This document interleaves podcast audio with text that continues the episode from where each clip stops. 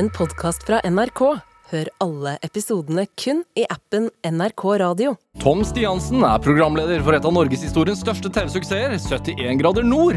Siden 2006 har han tatt med kjendiser og vanlige folk på tur på TV. Men i tiåret før var han aktiv alpinist på det norske landslaget, har vant flere NM-titler, deltok i to OL og ble verdensmester i slalåm i 1997. Dette er Drivkraft med Vegard Larsen i NRK P2. Tom Stiansen, velkommen til Drivkraft. Hei, tusen takk. Hvordan har du det? Jeg har det bra, men jeg ble litt irritert, for jeg har vært med i tre OL. Du sa to. Nei, har det veldig bra. Sånn og det det. går veldig fint. Det er så lenge siden at det var jo svart-hvitt-TV på den tiden, så det, det spiller ikke noen rolle. Ta, ta meg fakta, det liker jeg ikke. Nei. Beklager. Det, det går veldig bra. Jeg kan jo ta, Det var 92, og så var jeg skada i 94 på Lillehammer. Ja. Og så var jeg med i 98, da ble jeg nummer fire i, i slalåmen. Ja. Og så var jeg med i 2002 i Salt Lake. Og det var jo faktisk året etter eh, September 11. Eh, og det å reise til USA da, det var litt sånn derre Ja, det var, jeg får litt gåsehud faktisk når jeg tenker på det. Og sikkerhetsoppbudet rundt eh, OL eh, den gangen eh, var ikke noe mindre enn det hadde vært tidligere, for å si det sånn, når du da i tillegg var i USA. Men det var en digresjon. Hvor ofte tenker du på dette her, at du har vært med i OL? Det har jeg ikke tenkt på på veldig mange år nå, i hvert fall. Men, men jeg hørte du, du begynte å blafre med de OL-greiene, og da tenkte jeg ja, men var, Så begynte jeg å tenke, faen, var det to? Var det Men jeg var- da med Så begynte jeg å regne mens du holdt på, så jeg fant ut at det var tre, ja. Ja. Hva lærer man når man er med i et OL? Man lærer, altså For min del, i alpint, så tror jeg det er litt sånn at eh, jeg lærte vel egentlig at det er et helt vanlig skirenn eh, som veldig mange andre legger veldig mye mer vekt på. Eh, men det er akkurat de samme røde og blå portene du skal rundt. Det er akkurat de samme eh, motstanderne som er med. Ja. Eh, kanskje noen færre, for at det var jo noen, og det er det jo for så vidt fortsatt. Norge er jo en av de nasjonene nå, men eh, Østerrike og Sveits var jo to veldig store nasjoner som hadde veldig mange kandidater som kunne være med å vinne. Og i et OL så er det bare fire stykker fra hvert land som får være med. Så egentlig så er det lettere å vinne et OL eller et VM hvor det da bare er fire I VM så får jo tittelforsvareren også være med på neste eh, gratis, da, på en måte. Så da er det fem fra én nasjon. Men, men hvis du ser statist, eh, altså sånn i forhold til hvor mange motstandere du har, så er det lettere å vinne et mesterskap enn en, eh, et worldcuprenn, da. Ja. Men nei, jeg lærer ikke så mye annet enn at det er en annen vanlig dag på jobben. Og de OL-ene jeg var med i, så var det ikke noe sånn der at vi bodde aldri i OL-landsbyen. Når vi var med i Val d'Isère, så bodde vi, eller i Albertville, da, så bodde vi oppe i Val d'Isère. Ja. Sånn som vi hadde gjort ti år tidligere, og kjørt de samme renna, egentlig, de samme bakkene. Så nei, egentlig, og det, det tror jeg var litt kanskje min styrke, for jeg fikk stort sett ut mitt potensial, følte jeg, i mesterskapene jeg var med i, og det var kanskje litt fordi jeg tenkte at det, eh, det er ikke noe mer føss rundt det her egentlig enn enn de andre rennene vi kjører. Nei. Hæ. Det er interessant, da, fordi uh, Vært med i tre, tre OL. og, takk, takk. Og, og, og, og, som jeg sier i introen her også, verdensmester i slalåm. Og likevel så, og også da kjent for mye tur. Ja. Uh, Veit du er veldig glad i å sykle om dagen. Altså sykle. Ja, nå sykla jeg på damesykkel, elsykkel, Ja, hit det, i dag. Da, det, det, som overraska meg litt. For da når du kommer hit til NRK, så drar du på et, et, et eh, el, altså elsykkelbatteri. jeg hadde glemt å lade det, eller jeg var ute og sykla med den i går Og så er det damesykkel Ja, ja, men det er jo så deilig å, å, å gå på en damesykkel med benet liksom foran istedenfor å ha den der eh, herrestanga så du må sparke over. Begynner å bli gammel, kjenner jeg. Kjenner jeg så det, nei, jeg, jeg har en sånn bysykkel da, som jeg sykler med rundt omkring i byen, og så er det kurv foran. Og det er helt perfekt, for da, da kan jeg legge ryggsekken oppi der. Og nå har jeg blitt så gammel at nå har jeg sånn der gul sånn der, eh, Du så jeg hadde den vesten på meg, ikke sant? Ja, det, ja, du- det er jo, da, da bør du være egentlig over 60, men jeg er bare over 50. Men, eh, men jeg tenker litt sånn, jeg skal ikke ha noen biler som skal kjøre på meg. Jeg skal synes i trafikken. Ja. Og så, og så får det heller være at det ikke er så kult, men så står det 'aktiv mot kreft' på ryggen, og det står jeg for. Eh, så det, jeg syns det er bare plusser, plusser med den vesten der, altså. Så det ser ut som jeg egentlig jobber i Vegvesenet, men eh, Men jeg hadde blitt litt overraska hvis jeg hadde For jeg tråkker da, jeg har ikke elsykkel. Hvis jeg Nei. hadde tråkka opp en motbakke, ja, så kommer jeg og så kommer du putrende forbi ja. med liksom beina på eh, ramma. Ja.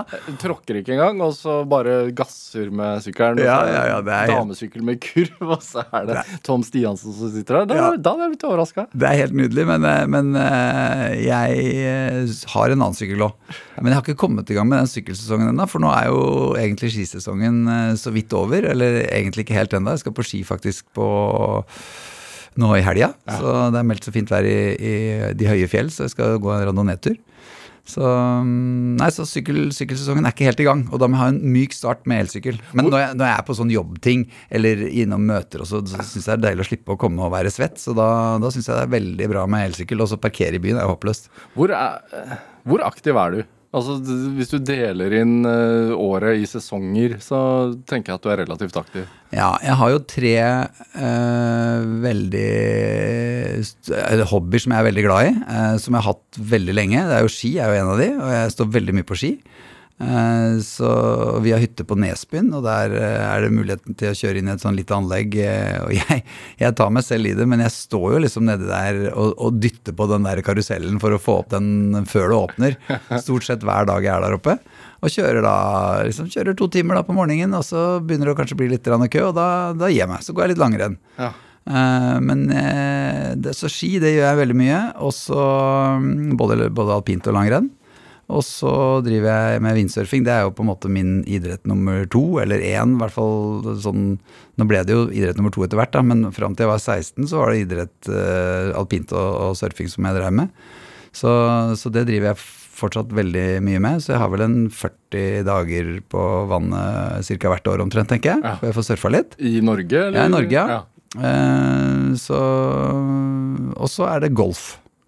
Så dagene går jo. Så jeg, jeg prøver å presse inn jeg, jeg prøver å være effektiv, så jeg får tid til å gjøre litt hobbyer innimellom. Og Nå nevnte du ikke sykling engang. Nei, det er ikke noe hobby, det. Det er liksom et nødvendig onde for å holde seg i form, det.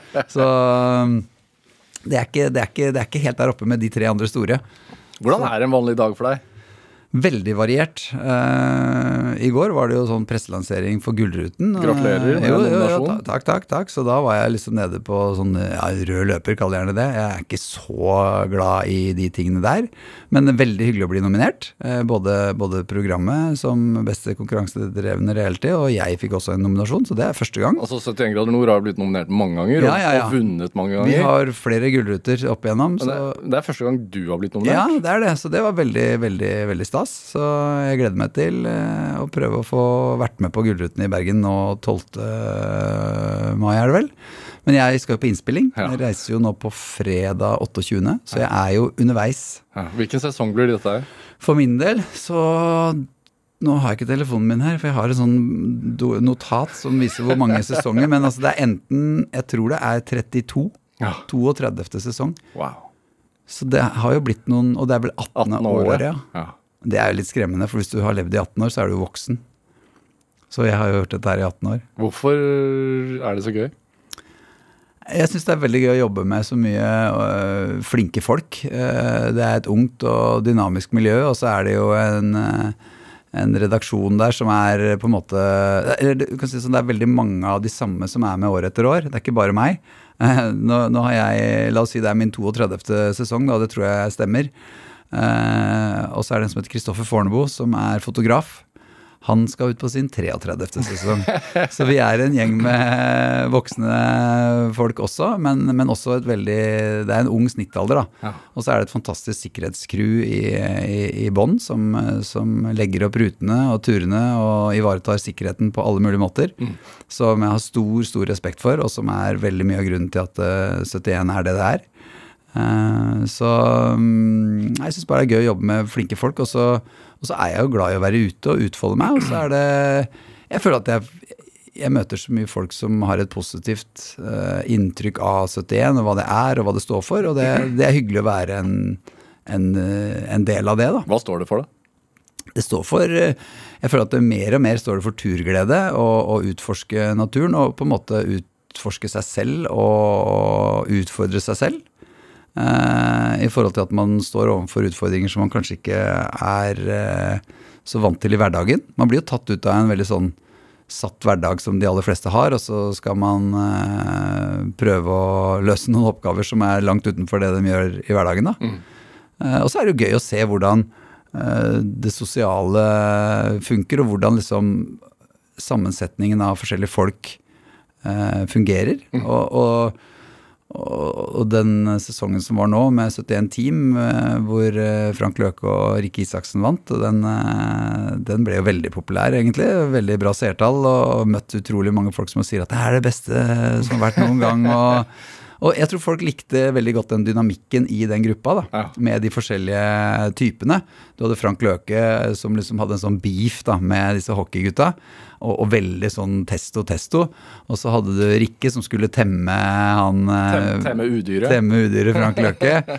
Som, eh, og så hadde du Eller udyret, det var, det var dårlig gjort. Han han, han er ikke det, altså. Han har jo vist seg fra en helt annen side enn det jeg eh, hadde inntrykk av. Konkurransemessig så kan man si at han er et, et, et eh, dyr. Han er et Ja. konkurransedyr. Der har vi flere som var med i år. Eh, ved å trekke fram Anders Myhrvold, som, eh, som også rullegardina går ned litt når det er konkurranser inne i bildet. Så, så det hadde jo vi en runde på der på tur. Men, eh, men, men, og jeg forstår det, eh, at det blir eh, litt temperatur og, og at rullegardina går ned. Men, eh, men det er viktig at det går an å, å snakke til dem og, og komme gjennom. Det jo, du, sier at dere skal ut på tur nå, ny sesong av av 71 grader nord kjendis. da, men Ja. Vanlig, det er ikke team. Vanlig kjendis etter nå, ja. ikke sant? Ja. Før så var det vanlig 71, og så kjendis 71, men nå er det vanlig 71 kjendis, og så er det 71 team, som også da er kjendiser. Så kjendiser på TV er gøy. Men den, eh, ja, den casten er jo ikke offentlig, hvem som Nei. skal være med. Det kommer seinere. Men, men hvordan velger dere folk? Vi har et castingbyrå som heter Wirkola Casting, eh, en som heter Marianne Brevik, som eh, jobber med det og er utrolig flink. Og hun er så flink til å se altså For hun har et utrolig nettverk. Og hun kjenner folka, altså de i nettverket sitt, eh, godt. Og har hatt dem med på forskjellige produksjoner. Noen har kanskje ikke vært med på så mange, men allikevel så er hun flink til å danne seg et bilde av hvordan de kan fungere opp, mot de andre. da.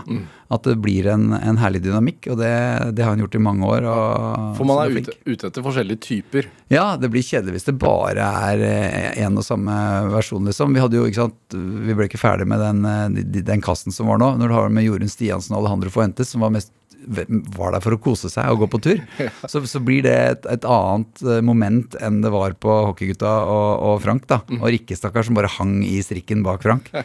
Så, det var, Og Jegertvillingene, som, eh, som også ja, De var jo som lemen rundt der i terrenget. altså De var så raske i terrenget og flinke og morsomme. Og, ja, det var veldig gøy. Veldig sammensatt og fin kast. Er det sånn jeg har fulgt 71 grader nord eh, ja, sikkert 18 år? Ja, nesten. Ja, det tror jeg faktisk. Uh, og det er jo, uh, i hvert fall kjendisversjonen, da, så er det veldig tydelig at man Altså det skal være én som ikke er så godt trent eh, på hvert lag. Det skal være én som er nærmest som en sherpa, som kan ta den andre sin sekk. Ja. Eh, hvor mye er sånn er planlagt på forhånd sånn i forhold til Her blir det situ morsomme situasjoner, her blir det Nei, det er, det er egentlig litt igjen Marianne i, i Virkola Casting som, eh, som er flink til også å legge på en måte en liten sånn Eller se hvem som funker, da. Men det er jo ikke sånn at vi, vi bare kan gå og velge helt heller. Da. Det jo, skal jo passe for folk, så det er jo ikke alltid at, den, eh, at vi har 50 stykker som sier ja, og så står vi bare og velger og setter sammen. Det blir jo sånn at vi klarer å, å få det til på en eller annen måte, og så, og så blir det det det blir.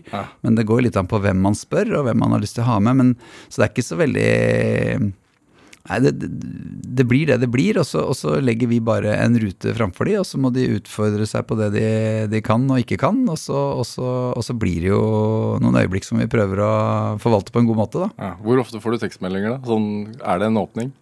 Uh, ja, det er, det er litt sånn Jeg får faktisk Det som er veldig hyggelig, er at uh, veldig ofte så får jeg når vi skal Ja, nå, den uka som kommer nå, da kommer jeg til å få noen meldinger. Eh, og da er det stort sett eh, Abid Raja. Å, fy fader, altså, bror, jeg skulle ønske jeg kunne være med igjen. Og eh, det er det kuleste jeg har vært med på. Og det er flere som han, da.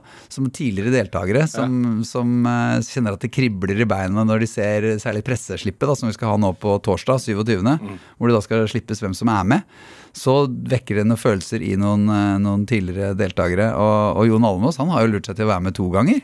så, og han er vel keen på en nummer tre òg, tror jeg. Så det har jeg hørt rykter om det, i hvert fall. Hvilken Hvem har imponert deg mest gjennom disse 30 Altså Det er mange 18 som har spurt meg om det. Eh, Det er vel egentlig hva skal jeg si for noe? Jeg har trukket fram Cato Zahl Pedersen. Eh, Han var jo med for veldig mange år siden. eh, Med de utfordringene han har. Eh, og at han klarte alt det han klarte. Og den positive innstillinga han hadde til å tilpasse seg for å gjøre Altså, et eksempel, da. Han ble spurt en gang av en annen deltaker, liksom, for det lå igjen et par votter etter at de hadde hatt uh, pakka ned leiren. Så Hei, hvem sine votter er det her? Er det dine, Cato? Og det var liksom ikke ment som en fleip. Nei, nei. Det var ment som liksom, for at det, Og da tenkte Cato det er et kjempekompliment. For jeg har ikke armer. Og allikevel så spør hun om jeg har glemt vottene mine. Så, så han har bare en sånn uh, utrolig positiv holdning til ting, og for en motorikk og fysikk og ja. Og så vil jeg trekke fram eh, Abid Raja, for han hadde ekstremt lite turerfaring. Um, han kunne jo ikke svømme når han sa ja til å være med, og lærte seg det eh, sånn noenlunde, i hvert fall med redningsvest. Um, og, og tok jo alt på strak arm, egentlig. Og var jo klar for finalen, men så måtte han trekke seg fordi at eh, Trine Skei Grande ringte og sa at det var kongens trontale eller et eller annet, så han måtte inn på Stortinget. Så han måtte gi fra seg plassen. Så det var, det var gedigen nedtur både for han og oss, egentlig. Men eh, nei, han eh, Fikk han være med igjen, da? ja, ja, han har fått være guest appearance, vet du. Så han, eh, han kan godt hende han blir med igjen, jeg vet ikke. Det jo, jeg skal jo konkurrere igjen mot disse deltakerne nå på den eh, turen vi skal på nå. Så det passa veldig dårlig at den første løpeturen min i år, som var i forgårs, gjorde at jeg fikk en sånn skikkelig strekk i leggen.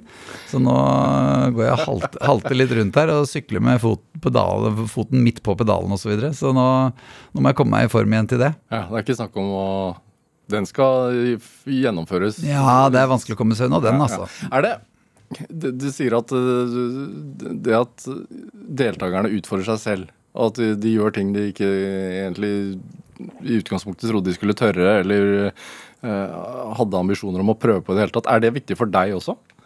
At jeg gjør det? Ja, ja men altså for deg at, som menneske, altså, å utfordre deg selv? Ja, det er det faktisk. For at nå har jeg jo altså Til å begynne med, når jeg begynte med 71, så var jeg jo Eller første året så visste jeg ikke hva jeg gikk til.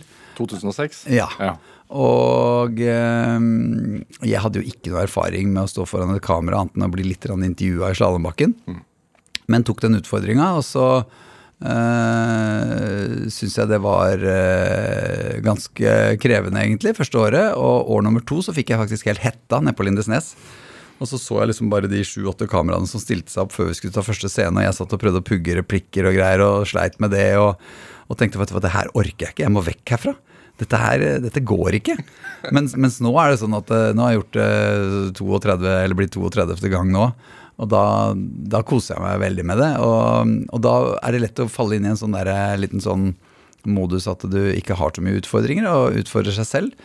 Så derfor så prøver jeg det sånn, for jeg er jo frilans, jeg er jo ikke fast ansatt i Discovery, så jeg gjør jo andre ting også.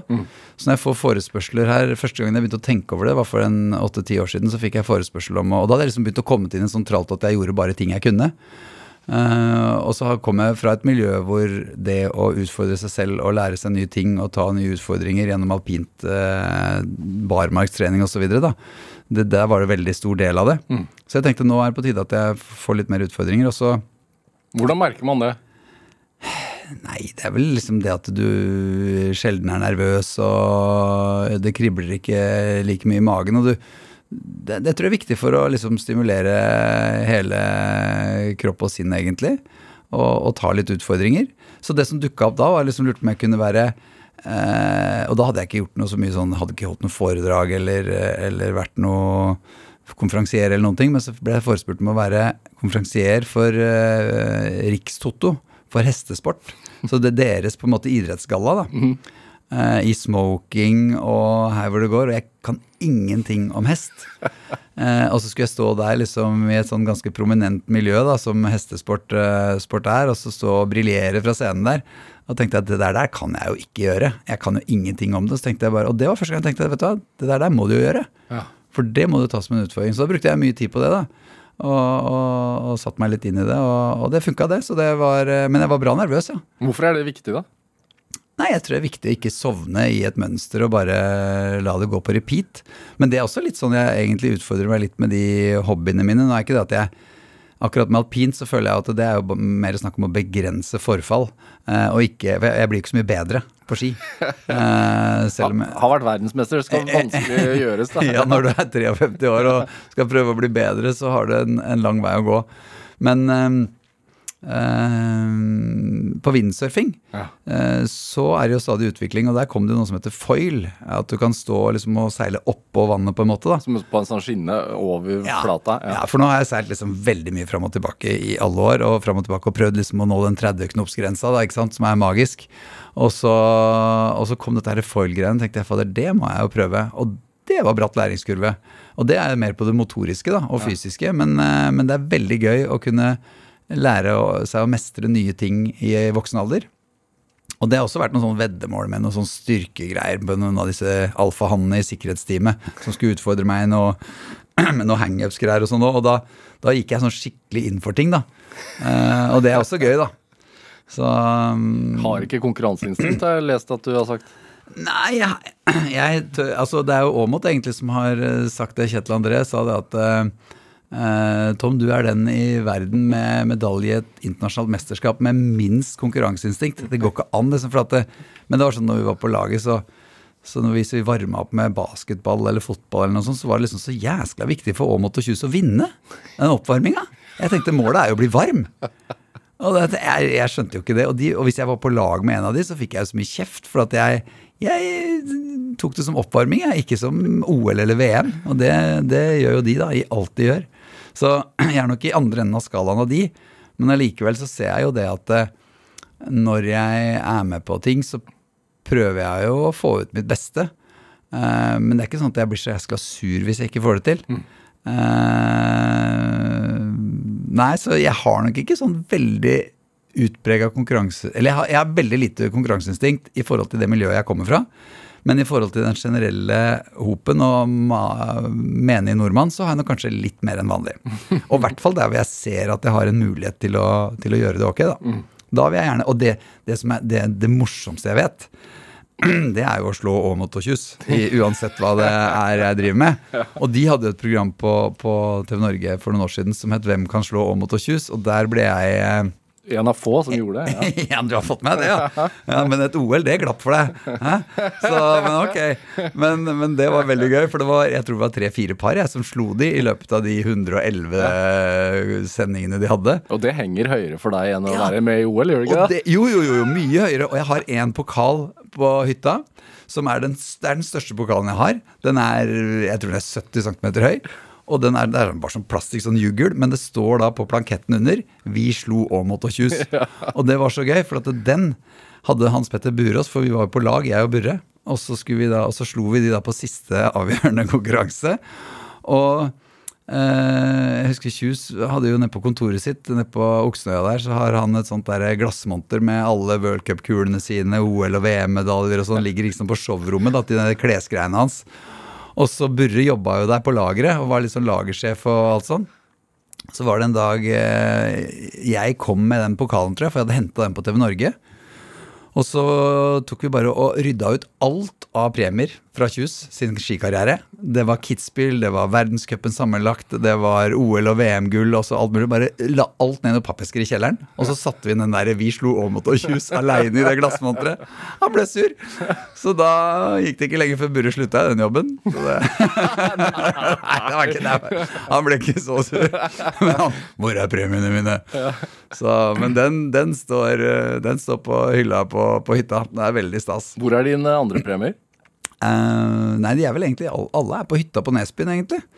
Så det, det VM-gullet det lå jo i skuffen min hjemme i 10-12 år, tenker jeg. Og så fikk jeg det av kona mi. Hun hadde ramma det inn, eller lagd sånn ja, med et bilde. To bilder er det vel. Ett fra pallen og ett fra jeg kjører. Og så er det gullet liksom De er inni en sånn ramme, da. I midten, da.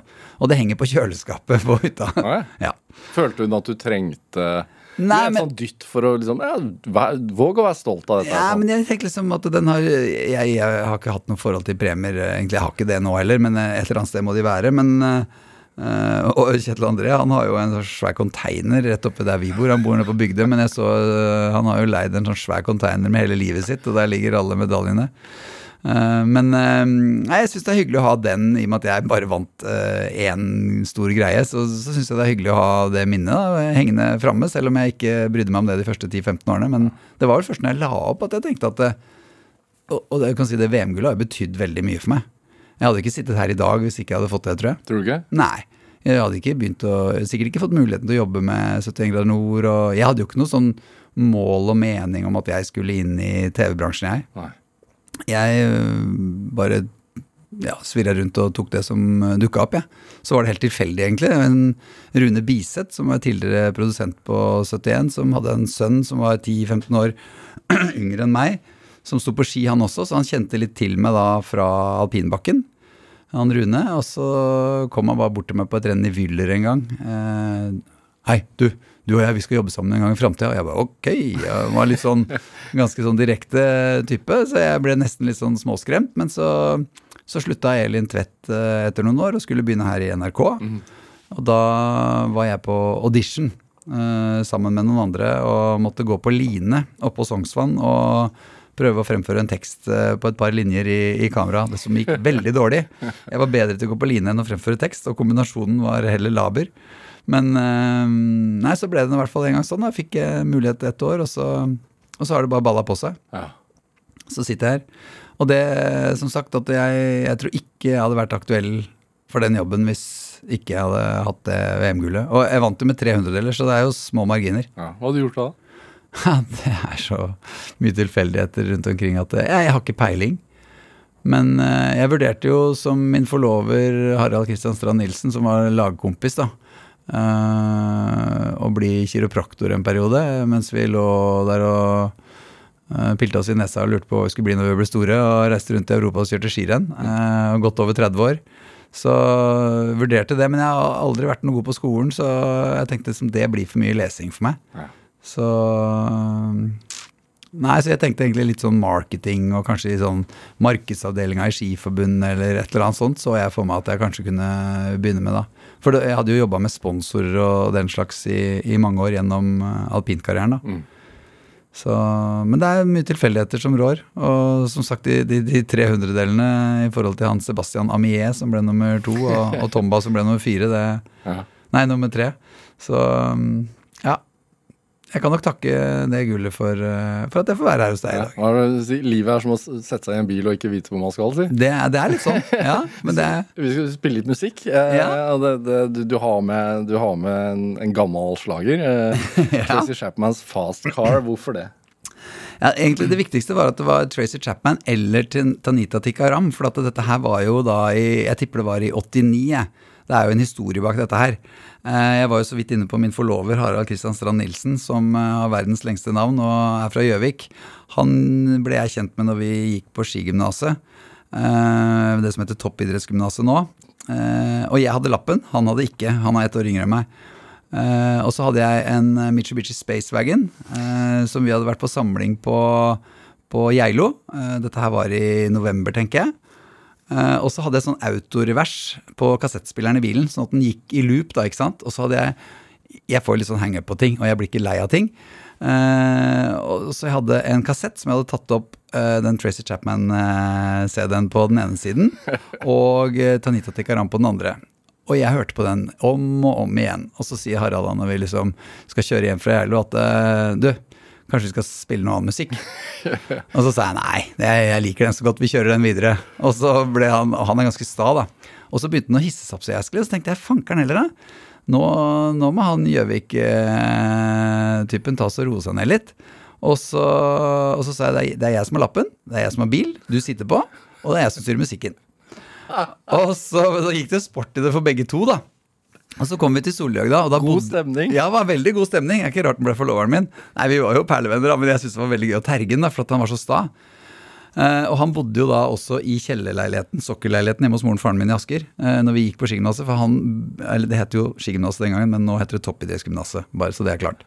Men, eh, men eh, Så han flytta jo fra Gjøvik inn til, eh, inn til eh, For å gå på skole inne i byen. Eller i Bærum, da. Og, og, og fikk da bo i kjellerleiligheten der.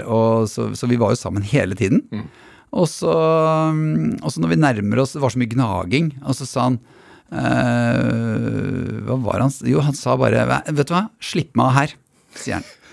Og det var jo, klokka var jo åtte-ni på kvelden, ikke sant? mørkt og litt sånn regnvær, novemberdag. Og det var jo når det var sånn bomstasjon oppe på Solhjøgda. Så jeg slapp henne av eh, på en sånn busslomme rett før en tunnel som var før den der gamle bomstasjonen. Og så sa jeg 'skal du ha jakka di'?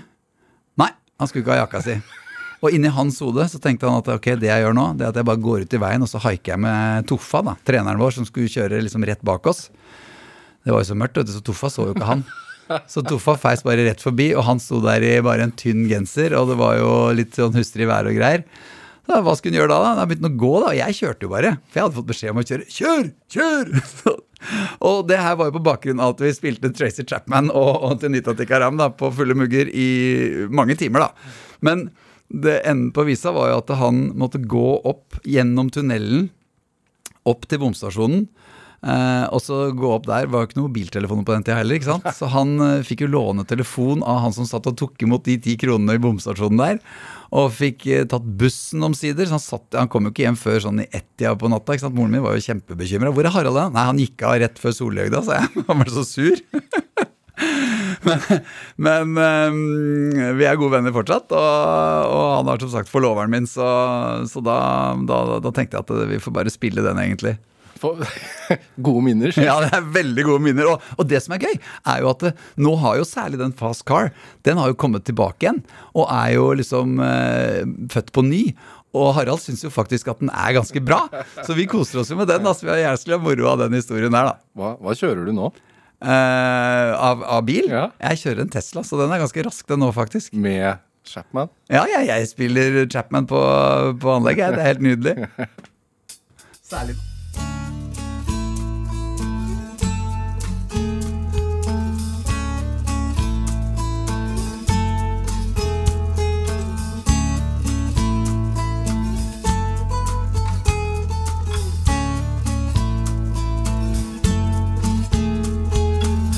get a fast car.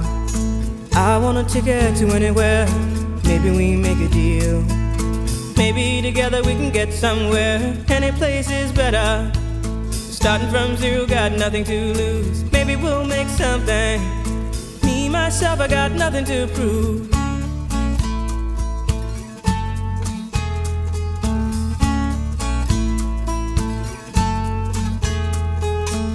You get a fast car. I got a plan to get us out of here. Been working at the convenience store.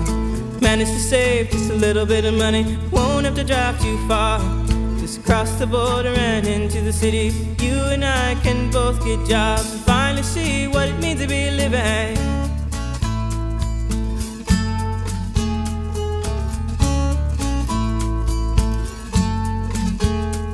See, my old man's got a problem. Yeah, but the bottle, that's the way it is. He says his body's too old for working. His body's too young to look like his. My mama went off and left him. She wanted more from life than he could give. I said, somebody's got to take care of him. So I quit school, and that's what I did.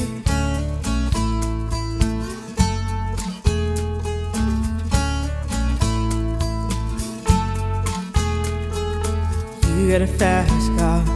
Is it fast enough so we can fly away? We gotta make a decision.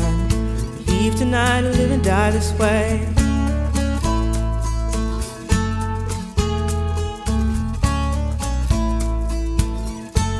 So I remember when we were driving, driving in your car. Speed so fast, I felt like I was drunk.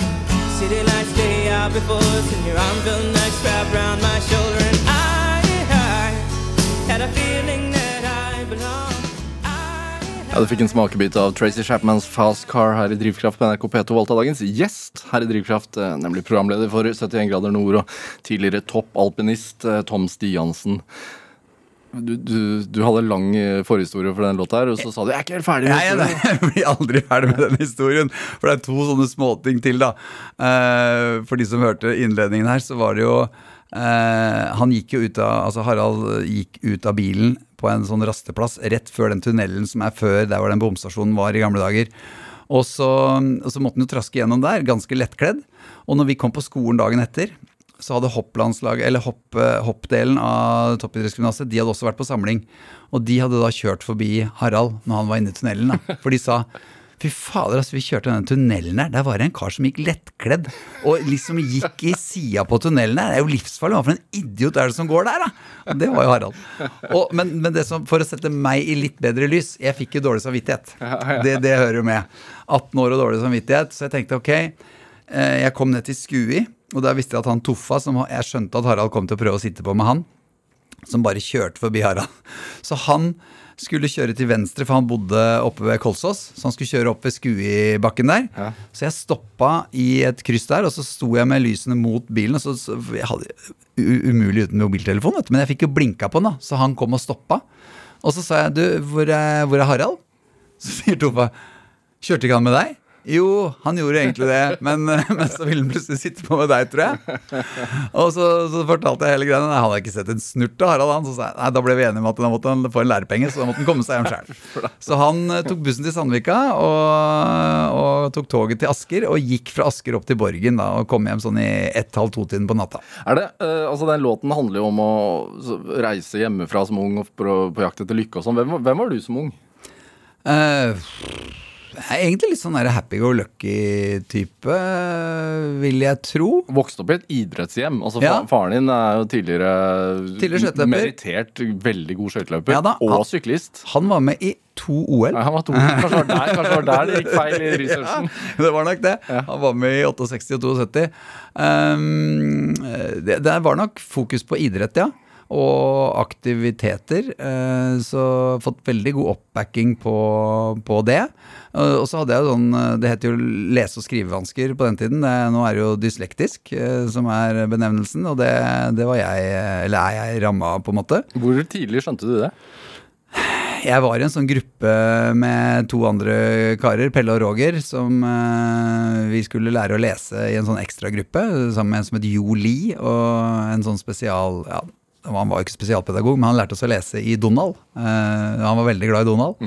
Eh, men vi var, ble tatt ut av en del vanlig, eller sånn den opprinnelige undervisningen for å ha fokus på å lese og skrive, da. Og det holdt jeg jo på med til fjerde-femte klasse, egentlig. Gjør det noe med ydmykhet? Det tror jeg nok det gjør, og så gjør det noe med selvtillit. Eh, du får ikke veldig god selvtillit av det. Eh, så det som jeg er veldig glad for, og som jeg har tenkt på sånn i, i foreldrerollen selv, da, er at eh, gjennom alpint og, på en måte, eller aktivitet, da, så fikk jeg en plattform hvor jeg kunne utvikle en form for selvtillit. Eh, og, og jeg var jo ikke, var ikke noen barnestjerne akkurat. Jeg var ikke best i skiklubben eller noen ting. på noe, Jeg, jeg, jeg kjempa med å bli klubbmester innimellom. Men, men i hvert fall så følte jeg at jeg mestra elementene i det å stå på ski. da, eh, I barneårene. Og da fikk jeg på en måte en sånn base og trygghet der som jeg har tatt med meg videre. Og så når jeg da liksom kom på landslag, eller kom inn på toppidrettsgymnas og kom inn på landslag osv., så, videre, så har det balla på seg. Så har jeg fått en sånn god ballast i livet som, som jeg på en måte har tatt med meg i alt jeg har gjort, egentlig. Var det foreldrene dine som så at du trengte det? Altså noe idrett for å Ja, jeg tror kanskje Altså, pappa har alltid vært veldig opptatt av idrett, men både mamma og pappa på det. Og så, og så så de vel også at jeg blomstra mer der enn jeg gjorde på skolen, da. Og, og så hadde jeg et sånt uh, modningsår, som moren min kalte det, når jeg var ferdig med 9. klasse og skulle på videregående. Så, så tok jeg et sånn år hvor jeg jobba og bare sto på ski, da. Så jeg jobba i skisenteret der jeg kom fra, i Asker, Vardåsen. Eh, drev med snølegging og satt og solgte heiskort og drev på. Og så trente jeg mye på ski, for da var jeg jo 16, 16 år, 15-16 år. Og, og det begynte liksom å, å dra seg til litt. Og jeg, og jeg kom ikke inn heller på NTG, da. eh, Det første året, for da var jeg ikke god nok. Så, så jeg la inn en, en sånn ekstra innsats og, og full velsignelse hjemmefra i forhold til å ikke gå rett inn på en annen yrkesfagsutdannelse eller et eller annet da, som jeg ikke følte at jeg var så veldig gira på. Så, så de har i hvert fall gitt meg, eh, virkelig gitt meg muligheten til å, til å bygge en plattform som man kan bygge noe videre på. Da. Hvor vesentlig er foreldre i forhold til å bygge en idrettskarriere? Det tror jeg er veldig altså det, det, er, det er veldig vanskelig å få det til uten. Eh, Jeg ser jo nå de gutta som holder på nå, Lukas Bråten og, og Henrik Kristoffersen. Mm.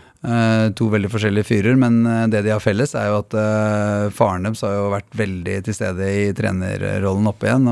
Og, det var jo også Finn Aamodt for Kjetil André.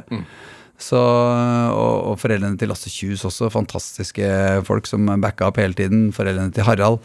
Eh, så, så, så alle vi gutta har foreldre som har backa oss hele tiden. Så, så det, du kommer ikke så lett uh, hele veien uten det. Hvor Når eh, fikk du god selvtillit, da? God selvtillit altså det, det, det kommer jo litt an på hva det er snakk om, da. For jeg, jeg har ikke veldig god selvtillit på alle mulige måter. Men uh, i forhold til alpin så har jeg jo for så vidt uh, god selvtillit og i det miljøet. Men, men sånn som jeg nevnte innledningsvis, at sånn der, jeg var på noen pressegreier på Gullruten og stå der og bli ropt opp på scenen og sånn, det er ikke jeg så veldig Der har ikke jeg god selvtillit. Mm. Det er sånne situasjoner som ikke er noe glad i. Og så er jeg ikke noe Jeg drikker ikke noe særlig. Ikke noe, det er ikke noe annet at jeg er liksom per definisjon avholdsmann, men jeg, jeg, liker ikke øl, jeg liker ikke vin. Jeg, så jeg har liksom aldri kommet over den der kneika. Ikke, ikke kaffe? Nei, jeg drikker ikke kaffe heller. Jeg føler at eh, så jeg, jeg, har, prøvd å google litt, eller lest litt om det.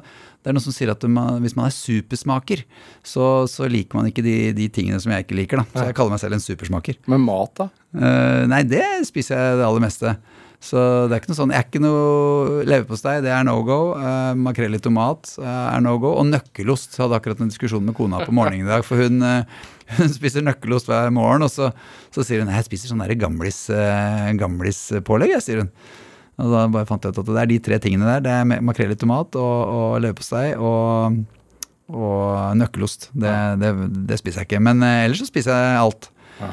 Men men det med selvtillit det er veldig sånn uh, situasjonsbetinga, føler jeg. Mm. Men jeg, ser, jeg har fulgt 71 grader nord, og din rolle der er jo uh, vesentlig, men du er jo innom bare på sjekkpunktene og få folk gjennom til neste oppgave. Ja. Men, men, samtidig så ser jeg jo en, en uh, veldig varm uh, programleder. Altså du, du, er menneske når du står der. Du tar jo folk imot, og det virker som du tar deg godt av de på de punktene. For det er jo slitne en sliten gruppe du møter ja. ofte?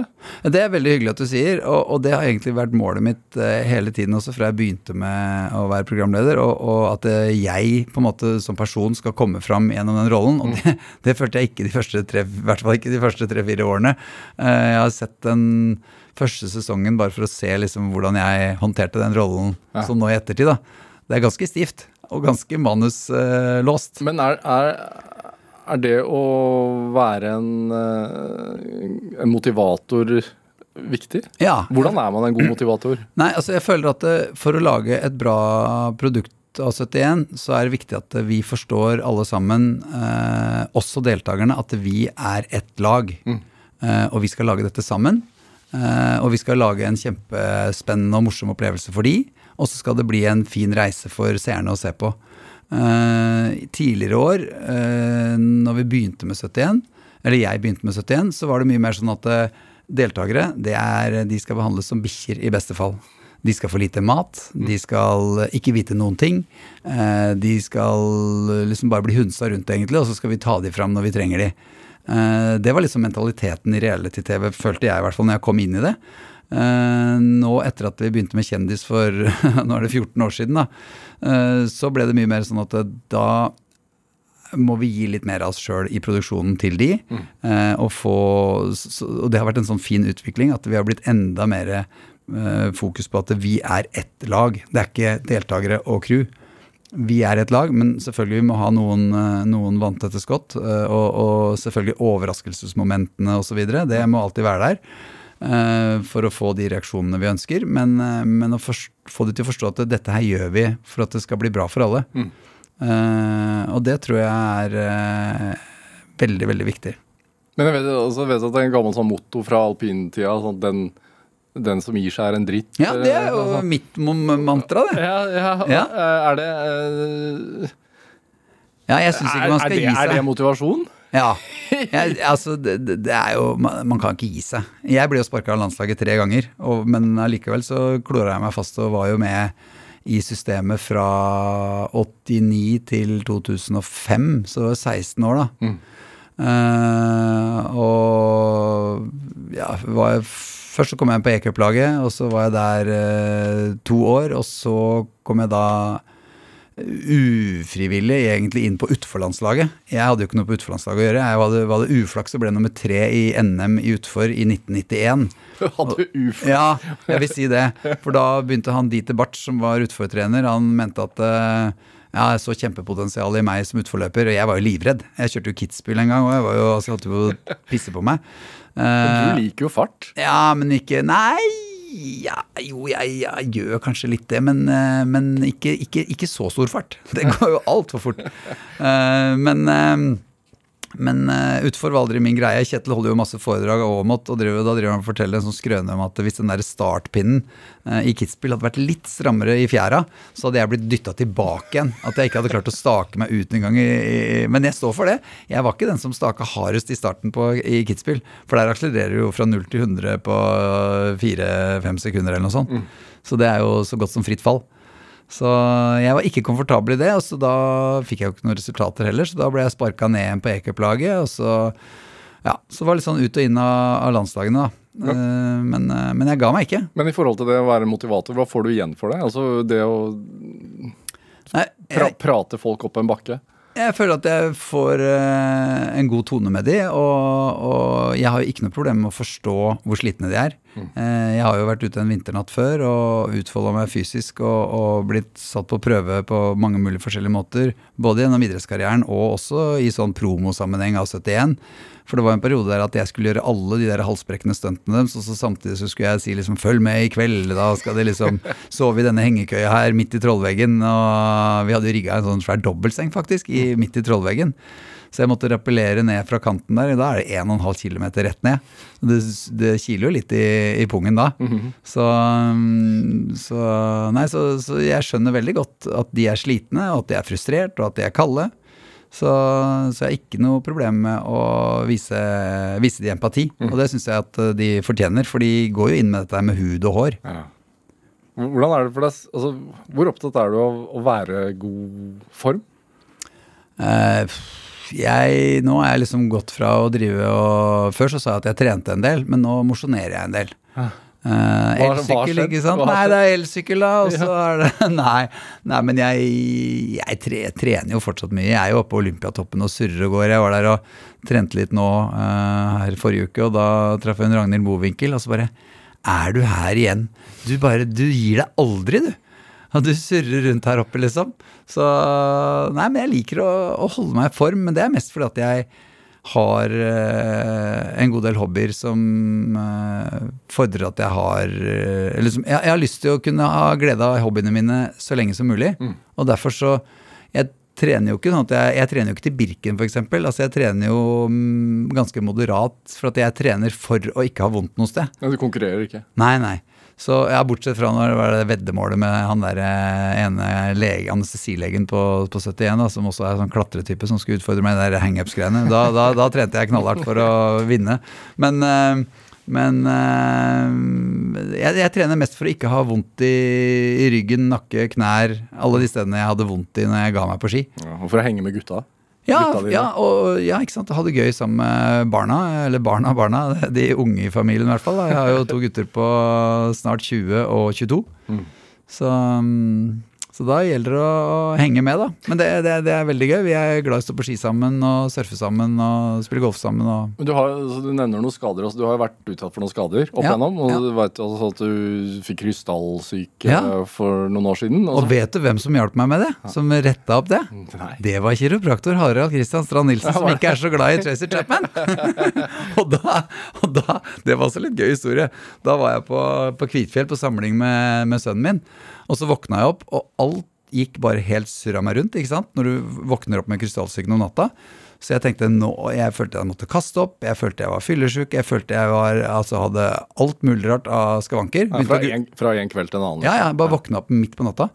Og så begynte jeg å google, da. Og jeg trodde jeg hadde svulst på hjernen, og ikke sant? du trodde alt var gærent. Og så ringte jeg Harald, da, da var jeg på Kvitfjell, han bor på Gjøvik.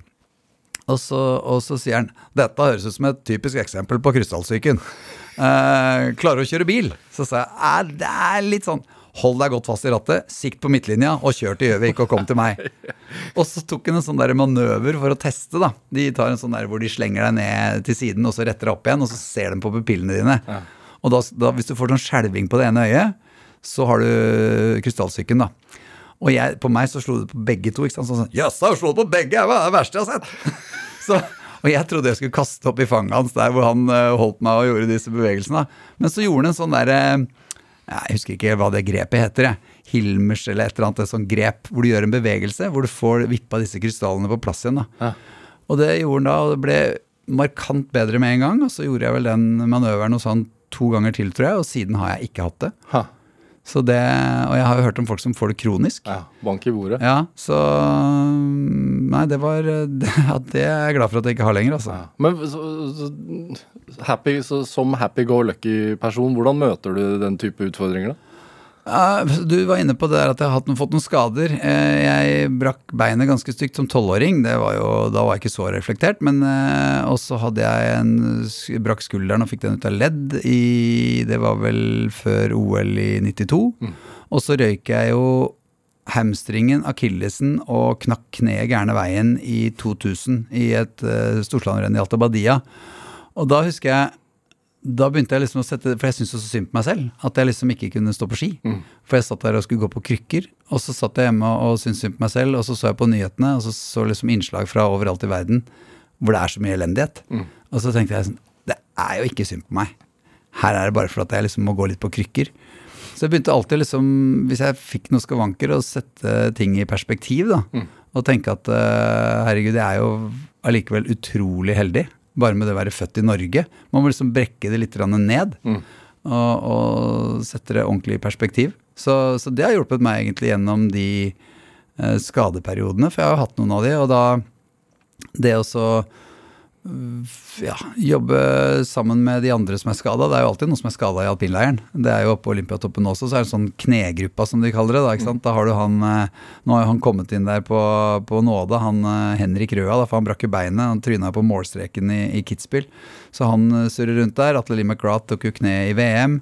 Og så har du Ragnhild Mowinckel som har tatt kne mange ganger, som får lov å hospitere litt. Og så har du eh, Atle, mm, Atle Nei, mm, Lukas Bråten, som tok jo kneet i Adelboden. Så da kommer du inn og sier du sånn Det er, det er verre ting i verden enn å ja, nei, jeg står ikke å, og blander meg så mye. Jeg prøver å holde en litt sånn rolig, rolig avstand, men eh, veldig hyggelig. Vi spiller litt golf med noen av gutta. ja. Eh, Solevåg og Atle og, og Kilde osv. Så, videre. så det, det er veldig gøy å ha litt kontakt med de gutta. Og de, de veit jo godt hvem jeg er, så, så det er veldig hyggelig å, å henge litt der oppe med ungdommen. Ja, men er det det derre sosiale eng- engasjementet og det å se utover i verden, er det derfor også at du er sånn uh, postkodelotteriambassadør? Ja. Er det Det greiene der var veldig Jeg fikk en forespørsel eh, Det er vel fem år siden nå, tenker jeg. Eh, og så tenkte jeg liksom Jøss, det hørtes rart ut, det greiene der. Aldri hørt om. Eh,